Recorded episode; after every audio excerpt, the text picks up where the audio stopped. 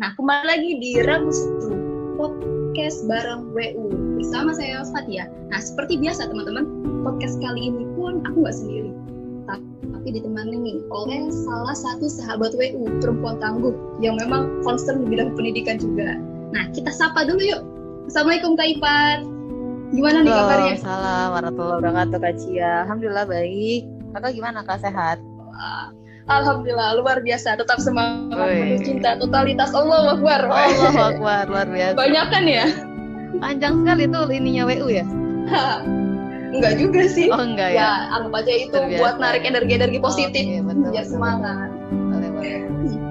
Gimana gimana nih Kak? Nah, bicara soal pendidikan ya kak ya karena memang kaitan backgroundnya pendidikan ya kak ya iya betul alhamdulillah oh ya masya allah banget lah luar biasa gitu tapi sebelumnya nih dari WU mau ucapin selamat ya semoga buat adik-adik para mahasiswa baru kalian menjadi para agen perubahan yang selalu berkarya dan bisa berkontribusi nyata untuk negeri Masya Allah, Masya Allah. Amin, amin, amin, amin. Tapi nih kak, hari-hari hari ini banyak banget ya beredar video-video dari beberapa kampus yang sedang marak dibicarakan juga sih itu di berita di video ya terkait perpeloncoan kakak senior kepada para mahasiswa baru nih. Iya, betul. Nah mungkin teman-teman yang mendengarkan podcast ini juga juga udah pada melihat ya berita-berita tersebut. Nah Kak Ika sendiri udah lihat belum nih Kak? Udah, yang ada di salah satu kampus ternama juga kan ya? Hmm, iya, dan gak cuma satu banyak sih beberapa hmm. Hmm. tapi mungkin tereksposnya cuma satu gitu ya uh, ada dua sih yang lagi viral sih ya sekarang eh, gitu yang dari ya, mana tuh mungkin ada lagi. Nanti coba dilihat tengok deh. Uh, spek itu kalau kita baca-baca ya? Itu uh, salah satu warisan kolonial ya kak? Bahkan kalau kita uh, dikatakan itu sudah ada sejak tahun 1898 maka itu dipraktikkan oleh salah satu instansi pendidikan bernama Sofia. Itu Sofia di zaman zaman apa itu? Sekolah Belanda bukan ya? Udah lama banget kak dan iya, emang iya. tujuannya itu sebenarnya supaya kan karena memang akhirnya yang kuliah itu dulu tuh orang-orang elit ya.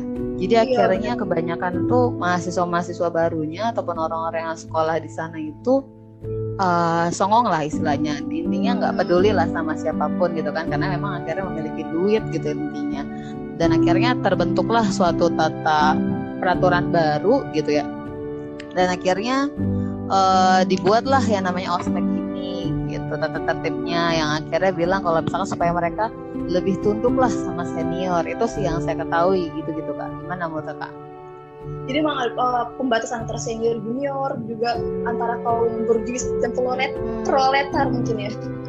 Nah, nih kalau balik lagi ke video viral itu itu kan ada beberapa pro kontra juga ya kalau kita lihat di komentar-komentar itu. Ada yang uh, salah satu pihak yang mengatakan itu merupakan kekerasan dan contoh yang tidak baik bisa mendownkan mental mahasiswa baru tapi di sisi lain ada juga yang menilai menilai kalau itu uh, salah satu bentuk untuk melatih mental mahasiswa juga. Nah, kalau dari sudut pandang kakak nih sebagai orang yang concern di bidang pendidikan itu gimana tuh? Oke, Bismillah ya. Ini menurut saya yang emang akhirnya uh, bergabung dengan Civitas Akademika, Civitas Pendidikan gitu ya. Yang saya ketahui itu kak uh, terkait ada memang pro kontra gitu ya. Dan yang memang ketika saya pun kuliah dulu uh, yang dimaksudkan dengan bentak-bentak yang kayak gitu-gitu atau otomatis sejenis kekerasan berupa verbal ya itu sebenarnya tidak diperbolehkan kan kayak gitu. Tapi mungkin akhirnya uh, yang ada yang viral saat ini tuh sangat nggak logis ya karena udah online gitu kan udah online terus juga nggak ngerti sebenarnya visi misinya mau ke mana. Kalau misalkan dulu saya berkaca ketika di kampus dulu karena saya basicnya adalah di dunia ilmu pengetahuan alam ya MIPA dulu. Oh MIPA gitu. Hmm, dan emang saya fisika lalu di teman saya di tetangga sebelah itu ada ada biologi kan jurusannya biologi. Di situ memang akhirnya kita uh, kalau flashback gitu ya dibilang melatih mental sih iya. Tapi memang akhirnya kita punya tujuan. Bahkan panitianya itu disaring. Gitu panitianya disaring dikasih penugasan sama kakak-kakak kelasnya. Gitu kakak-kakak seniornya benar jelas gitu tujuannya. Kalau yang saya pahami gitu ya ketika kemarin saya juga bergabung jadi panitia ospek di kampus itu jelas. Dan akhirnya kita ada rekayasa sosial lalu ujungnya jelas. Dan tapi nggak ada tuh yang namanya kekerasan verbal yang harus kayak yang ada di sekarang-sekarang kayak gitu.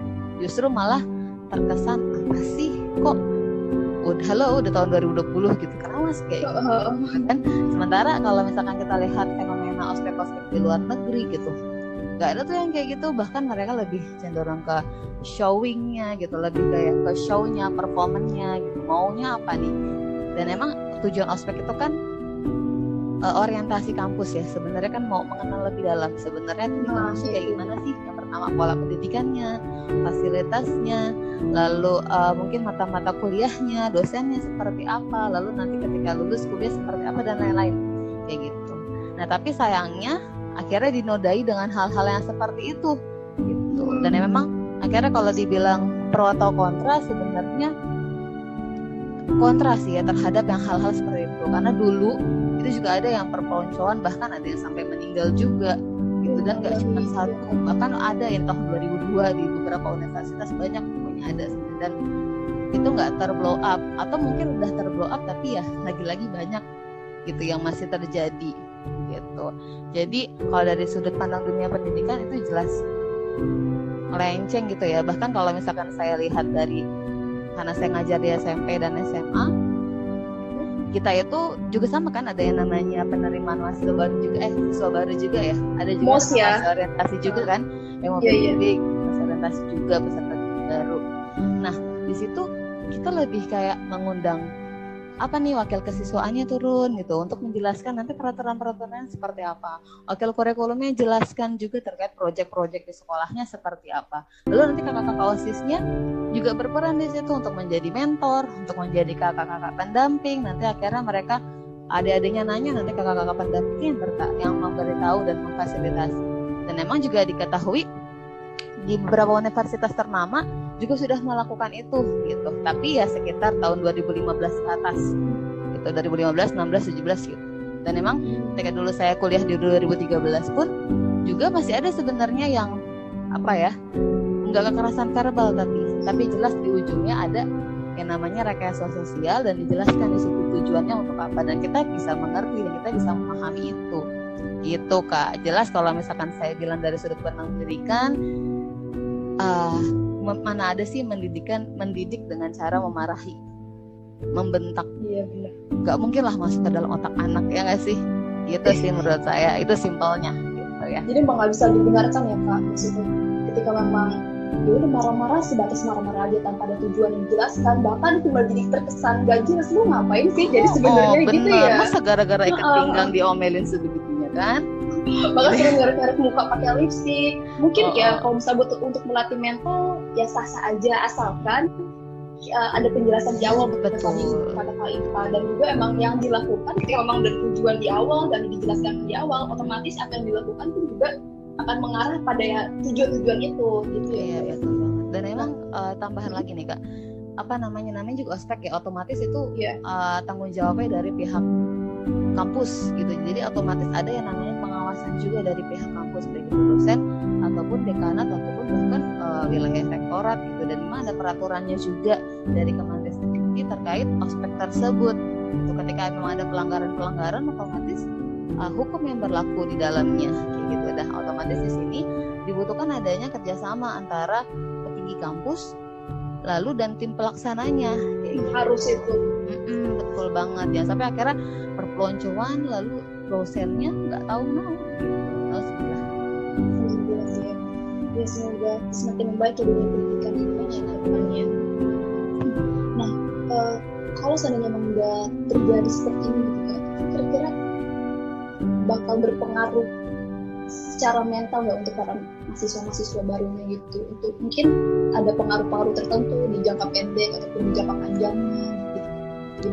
Jelas ada ya kak, karena gini, gerbang ya, karena kan niatannya adalah uh, mahasiswa baru dengan penuh semangat baru, mereka punya segudang apa ya, mereka bukan orang polos gitu, mereka punya perjuangan untuk masuk ke dalam kampus tersebut, otomatis mereka juga punya yang uh, kemampuan lalu mereka juga punya daya tinggi yang daya berpikir yang tinggi gitu ya. Tapi ketika udah dihadapkan dengan hal yang yang apa ya yang tidak mengenakan gitu otomatis dia ya elah apaan sih loh gitu yang pertama jadi akhirnya bisa jadi uh, kemampuannya jadi kayak bukan bukan berkurang ya tapi kayak rasanya tuh rasa lebih nggak suka gitu ada timbul itu lalu yang kedua ketika memang ini jangka pendek ya jangka pendeknya uh, jangka pendeknya adalah nanti bisa jadi karena memang dia kira kesel dan ketika dia jadi junior dia nggak bisa membalas kepada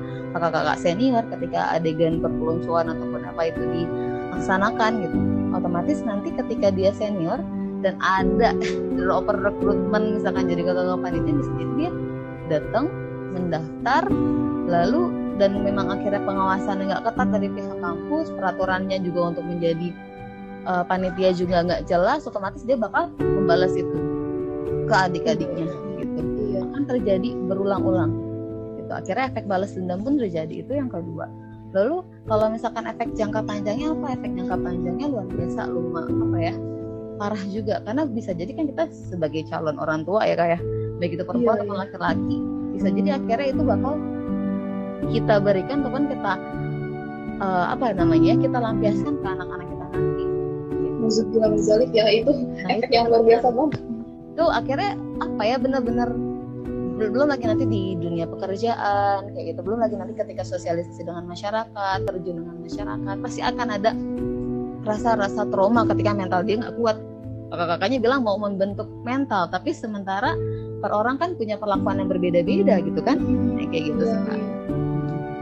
Miris banget sih kayak mulai dari hal sederhana yang mungkin luas di antara para mahasiswa senior gitu ya sampai akhirnya itu berjangkanya sangat panjang banget. Dan bahkan uh, menjadi mata rantai yang harus diputuskan gitu kan betul, otomatis betul, dan itu untuk memutuskannya itu harus uh, lagi-lagi balik ke psikologisnya. Dan itu bukan mm -hmm. yang mudah sebenarnya apalagi kalau misalnya udah menyangkut perempuan gitu kan yang mengalami mental seperti itu dan akhirnya dia melahirkan anak nah, dan iya benar, di, mendidik anaknya dan akhirnya ketika memang rasa-rasa kebencian itu mungkin ya mm-hmm. masih ada itu akan dilampiaskan ke anak selanjutnya anaknya gitu ya betul betul banget kak dan satu lagi sebenarnya kita mengerti lah apa yang kita sebenarnya apa yang kita tanam pasti akan kita tuai gitu. Mm-hmm. Suatu hal yang akhirnya kita kerjakan saat ini buruk untuk orang lain, pasti dengan cara lain Allah bakal ngebales gitu. Apa pun itu, apakah itu di dunia ataupun di akhirat ya nggak sih serem banget. Yeah, yeah. Entah dengan cara apa pun lah, entah dengan cara menitipkannya dengan keluarga kita, ataupun dengan orang-orang yang kita sayangi, gitu, ataupun dengan kesehatan kita tiba-tiba akhirnya drop, kita nggak pernah tahu kan doa doa orang terzolimi, kayak gitulah. Astagfirullah. Serem banget sebenarnya. Iya. iya, iya. Makanya miris banget sih kalau saya lihat itu dari awalnya mungkin punya semangat di awal, hmm. ini pengen belajar serba dengan iya, benar-benar sama universitas universitas. Tapi ternyata pas masuk justru dijatuhkan mentalnya. Hmm. nah tapi kan kalau seandainya memang uh, apa sih dari senior itu menginginkan untuk menguatkan mental mahasiswanya itu tapi di sisi lain kan ya terjadi seperti ini. Berarti seharusnya itu gimana ya kak? Maksudnya untuk melatih mental tapi tidak uh, dalam batasan-batasan koridor yang di, yang, yang diharuskan yang semestinya maksudnya sebenarnya kalau melatih mental itu kan nanti ketika masuk ke dalam dunia kampus juga akan akhirnya ada ya ada bimbingan-bimbingan entah dengan uh, apa namanya dengan kegiatan-kegiatan kampus kan juga ada dan memang akhirnya itu lebih terarah gitu. Jadi misalkan ikut pelatihan kepemimpinan, nanti di situ juga ada lagi tuh pelatihan-pelatihan lain, pelatihan-pelatihan lain gitu. Jadi akhirnya nggak uh, harus tuh yang namanya ospek tuh harus marah-marah, nggak banget gitu. Dan memang akhirnya ketika memang itu sudah terjadi, otomatis uh, dia akan berdampak sama kuliahnya. Solusinya gimana ya tadi? Anak-anak itu bisa ngikutin kegiatan-kegiatan positif di kampus gitu. Lalu yang kedua, bisa juga cara lainnya adalah kita bisa pernah ingat gak sih kak ketika kita skripsian hmm?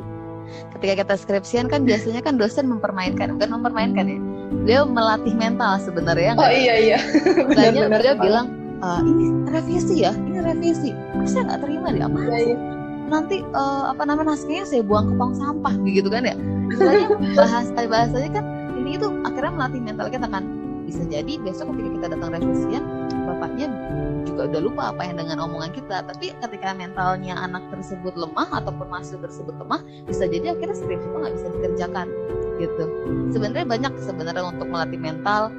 Yang pertama bisa dari organisasi-organisasi kemahasiswaan. Jadi istilahnya orang-orang yang paham orang-orang yang buka ataupun merasa ah ini salah nih ospek kayak begini salah otomatis orang-orang yang paham itu harus bergerak harus berubah gitu harus menyuarakan berarti ospek-ospek selanjutnya nggak boleh ada yang kayak gini. Peraturannya harus dirubah gitu.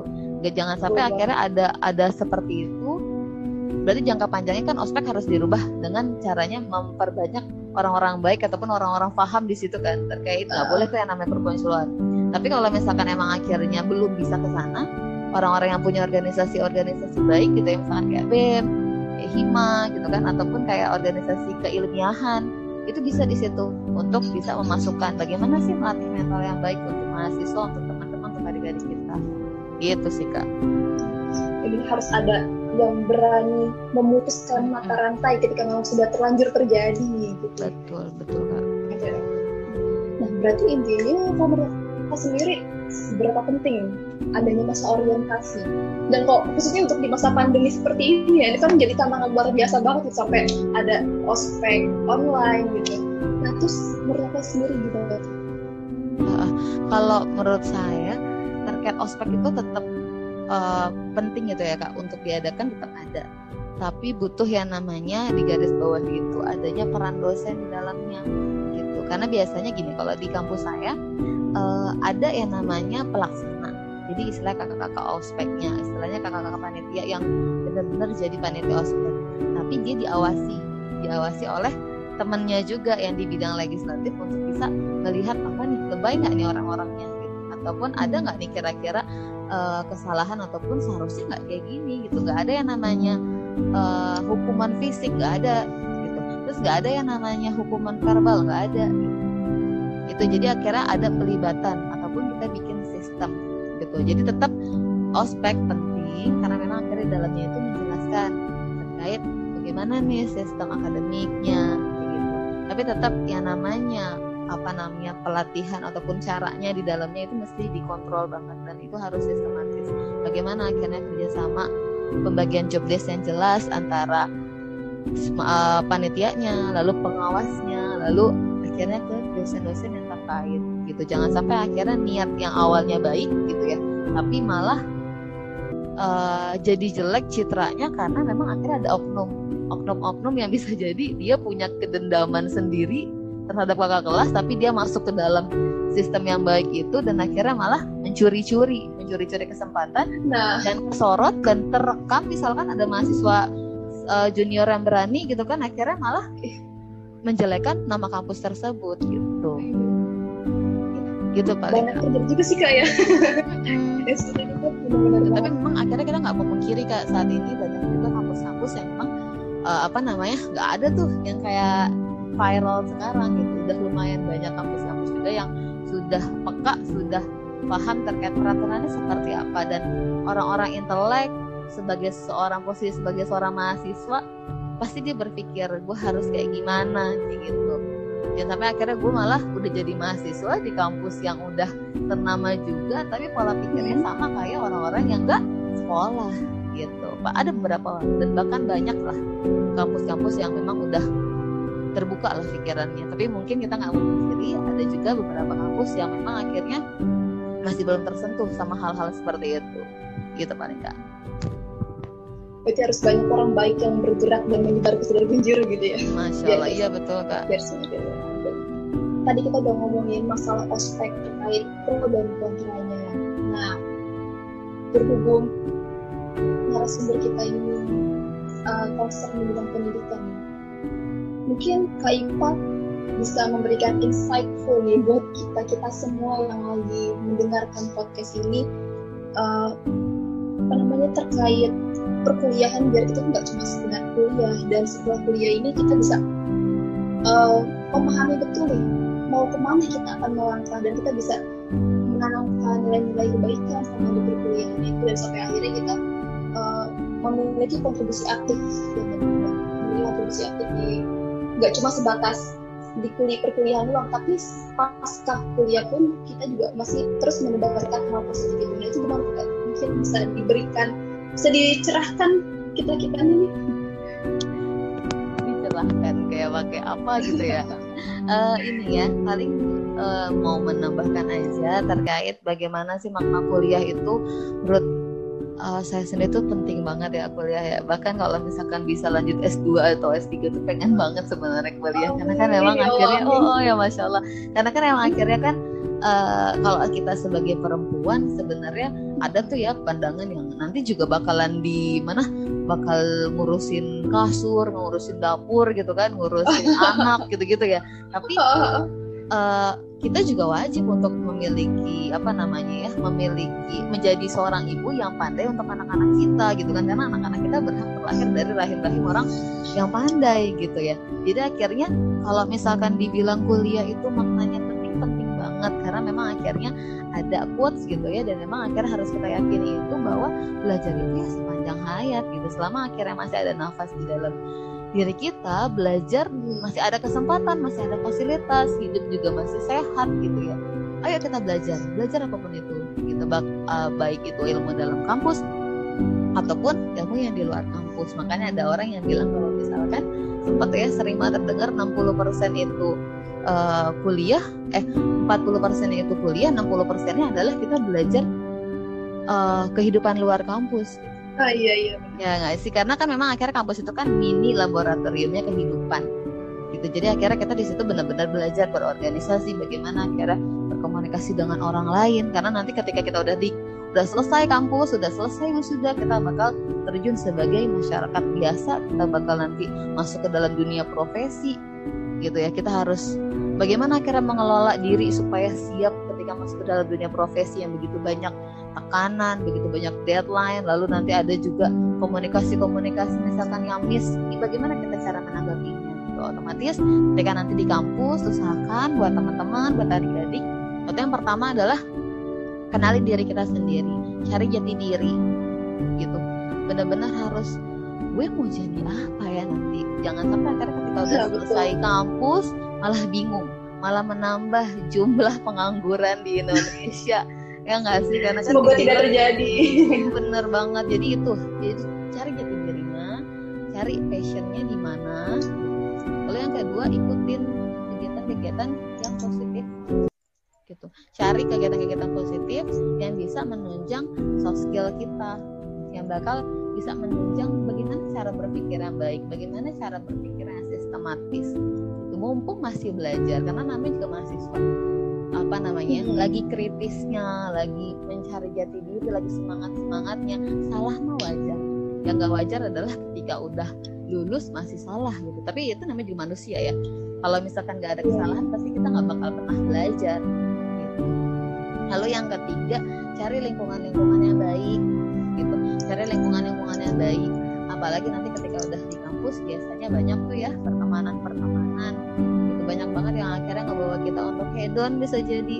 Atau iya. enggak malah banyak mengambur-amburkan uang habis itu nanti malah uh, atau enggak main medsos yang terlalu berlebih gitu. Coba manfaatin medsos handphone gadget kita itu untuk bisa memperluas uh, jaringan gitu.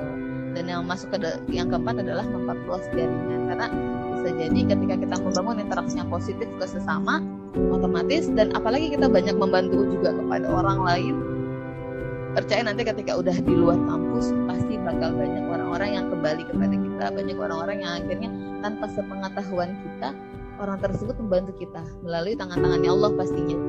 Ya gitu ketika niat kita lulus dan memang akhirnya yang harus pertama kali ketika masuk kampus adalah lurusin niatnya gitu. kalian mau kuliah berapa tahun? Misalkan 4 tahun. Berarti step by stepnya apa? Step satu nah step satu harus bisa beradaptasi dulu misalkan otomatis lihat ketika kita uh, eh, IP-nya udah bagus berarti ditingkatkan gitu. Dan percaya deh kalau misalkan teman-teman ikut organisasi yang positif kelompok-kelompok yang positif teman-teman pasti bakal lebih lagi bisa memanajemen diri gitu. Karena kita sama-sama punya waktu 24 jam tapi ketika kita berikut organisasi otomatis kan masalah nambah ya beban pikiran juga iya. nambah nambah beban organisasi nambah beban juga belum keluarga gitu kan suruh nyari duit buat semesteran misalkan bisa mikiran akademik juga bebannya makin nambah tapi akhirnya kita bisa mengelola dalam punya waktu 24 jam yang sama tapi kita bisa memiliki kemampuan mengelola permasalahan dengan baik dan tepat gitu. itu sih intinya jadi sebuah tantangan ya itu jadi sebuah tantangan dan kalau bisa kita lebih expert daripada kita tapi akhirnya bukan merendahkan teman-teman yang lain justru malah membantu teman-teman yang lain buat ayo kita sama-sama saling berbenah kita harus bisa fokus kita harus bisa lulus sampai uh, nanti di akhir dengan predikat yang baik pun akhlak kita pun juga baik. Dan akhirnya kita bisa menjadi apa ya namanya ya uh, iron stocknya Indonesia gitu. Jadi teman-teman yang lain akhirnya nanti mau jadi guru juga. Guru-guru yang baik gitu jadi dokter juga dokter-dokter yang jujur politikus juga politikus yang memang akhirnya benar-benar menyuarakan uh, rakyat gitu aspirasi rakyat dan lain-lainnya kita masuk ke dalam profesi yang memang akhirnya di situ tempatnya kita dan di situ kita bisa bermanfaat untuk orang lain itu paling gak dari saya Masya Allah mantul banget BTW tadi Iron Stock ya bukan Iron Man ya Oh iya. Aku jadi keingetan Odading. Hati-hati nanti Odading lagi ya.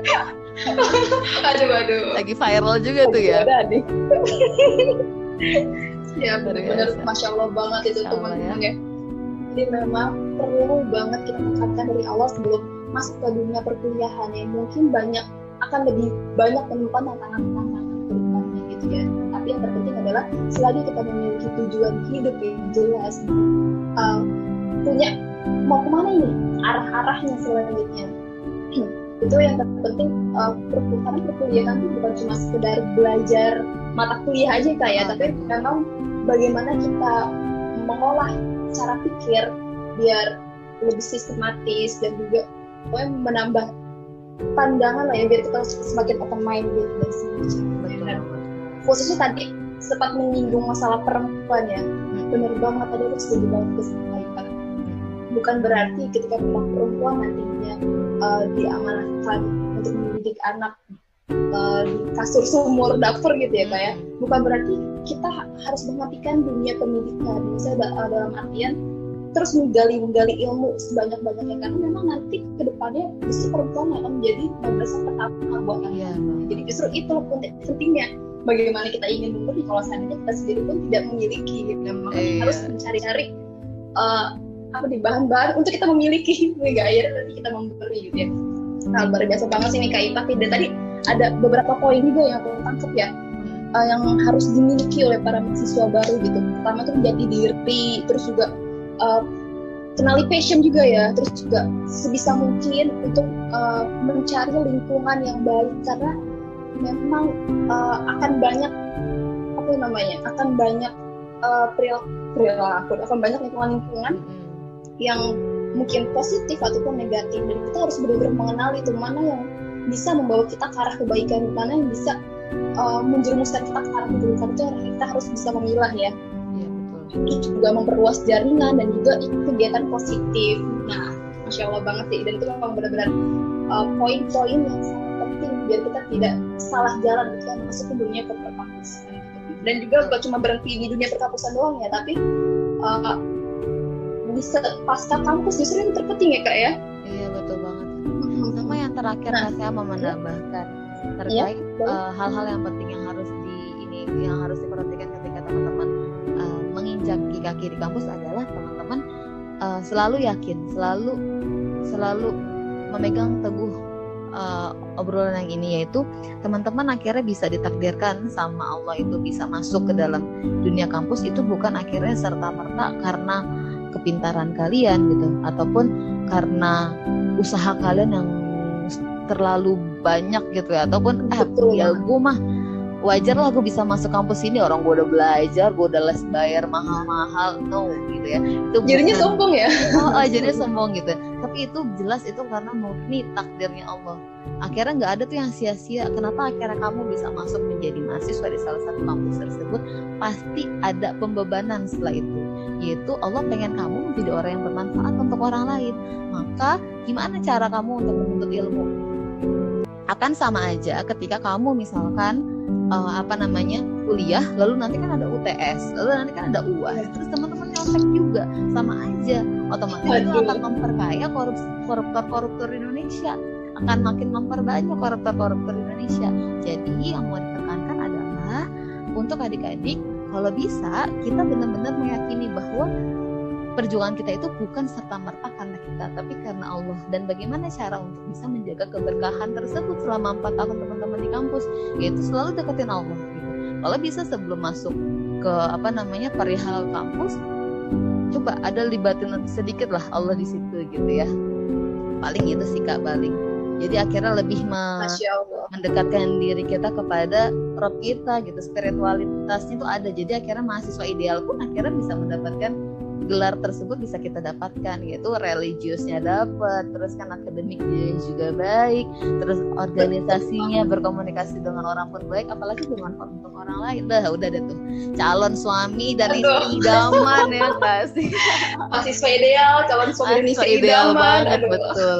Gitu paling kaya uh, bener. jadi ideal tuh bukan cuma sebatas IPK yang tinggi doang ya tapi betul. juga uh, perlu juga menanamkan dan uh, meningkatkan tingkat kualitas di segi religiusnya juga ya kak ya? Insya Allah bener banget sih kak. Nah oke okay, teman-teman. Emang lagi asik-asiknya sih mbak? Hmm. berdiskusi kayak gini cuma sayangnya kita sudah di ber, sudah berada di penghujung waktu. Semoga teman-teman semua bisa mendapatkan banyak pesan positif yang didapat dari podcast ini ya. Dan uh, kita juga tentu berharap ya agar dunia pendidikan ke depannya bisa lebih baik lagi khususnya di Indonesia dan juga kita selalu berharap agar praktik perpeloncoan yang seperti tengah viral di akhir-akhir ini itu tidak lagi terjadi gitu ya. Dan uh, mungkin ketika memang seandainya ada mahasiswa-mahasiswa baru yang menjadi korban saat ini itu uh, mengalami psikologis yang kurang baik atau seperti apa nah, itu semoga kita berdoakan uh, cepat sembuh secara fisik dan mental khususnya dan bisa uh, terus menggali semangatnya ke semangat di perkuliahan. Nah, oke okay, teman-teman semua, uh, terima kasih banyak sudah mendengarkan podcast WU kali ini dan jangan lupa, oke okay, terima terima kasih juga buat Kak Ipa terima kasih ya, buat Kak Ipa uh, udah bagi ilmunya yang banyak banget ya terkait aspek dunia pendidikan. Ya, jangan bosan-bosan ya kak ya. Iya, sukses terus untuk Dan mau. Amin, amin. Nah, buat teman-teman jangan lupa buat follow Instagram Women United dan juga jangan lupa menunggu podcast-podcast dari WU selanjutnya. Oke, Assalamualaikum warahmatullahi wabarakatuh.